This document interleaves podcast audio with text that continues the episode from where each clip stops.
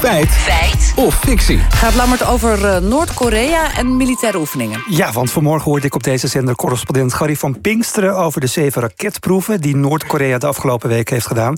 En waarbij de raketten onder meer in de Japanse zee belanden. En over de motieven van Noord-Korea om dat te doen, zei ze dit. Ze doen dat als reactie op militaire oefeningen die de VS en Japan en Zuid-Korea in dat gebied houden. En ze zeggen, ja, jullie houden oefeningen die wij zien als het voorbereiden van een invasie van Noord-Korea. Nou, oké, als jullie dat doen, dan kunnen wij ook een echte oorlogssituatie simuleren. En laten zien hoe dat eruit zou zien. En dat hebben we nu gedaan. Een oefening, daar gaat het over om Noord-Korea in te nemen. Ja, gek verhaal, hè? We belden met eh, Paul van Hoofd, senior strategist-analyst bij het Haagse Centrum voor jawel, Strategische Studies.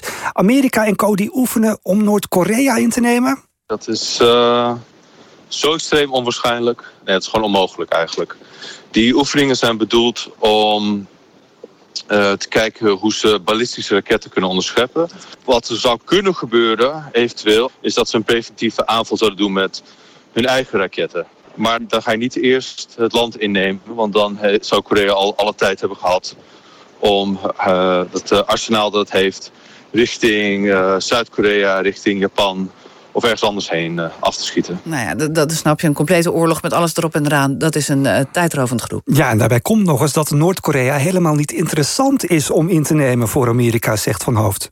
Het is een, uh, het is een staat die in compleet verval is, dysfunctioneel is.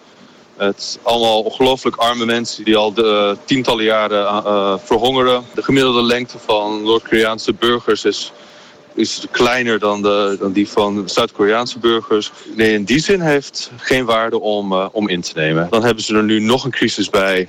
Uh, niet alleen het Koreaanse maar ook met China. Terwijl er ondertussen een oorlog in Oekraïne bezig is. Ja, het excuus ze willen ons innemen wordt echter al jaren en jaren gebruikt door het regime in Pyongyang, zegt ook journalist Casper van der Veen. Noord-Korea gebruikt eigenlijk altijd die oefeningen als excuus uh, dat zij zeggen van, oh, dit is een voorbereiding op een invasie. Om vervolgens uh, zelf iets te lanceren. Uh, er valt ook niet heel veel te halen in Noord-Korea. Er is geen olie. Er is nooit aangekondigd dat er een wens zou zijn om het land binnen te vallen. maar het land is daar zelf wel bang voor. Ze verwijzen vaak naar de inval in Irak als een soort ja, voorbeeld van dat kan ons ook overkomen. Nou, ondanks dat niemand Noord-Korea zou willen hebben, hè, we horen het al, ze hebben ook al geen olie, uh, blijft het land dit excuus gebruiken. Maar waarom dan? Ja, dat weet Van de Veen. Voor de buitenwereld houden zij het beeld in stand van hé, hey, wij zijn een bedreiging, uh, vergeet ons niet. Voor de eigen bevolking uh, worden dit soort dreigementen continu in leven gehouden om ja, ook te legitimeren dat er zoveel, uh, ja, dat ze in zo'n militaire dictatuur leven en dat er zoveel, ja, zo'n groot deel van het ja, als schrale overheidsbudget van Noord-Korea naar defensie gaat. Oké, dan, dan gaan we er toch nog even een stuk omheen doen. Uh, Lammert, uh, feit of fictie vandaag? Ja, fictie, want de oefeningen van de Amerikanen, Zuid-Koreanen en Japanners zouden niet eens een invasie van Noord-Korea kunnen opleveren. Laat staan dat iemand dat zou willen.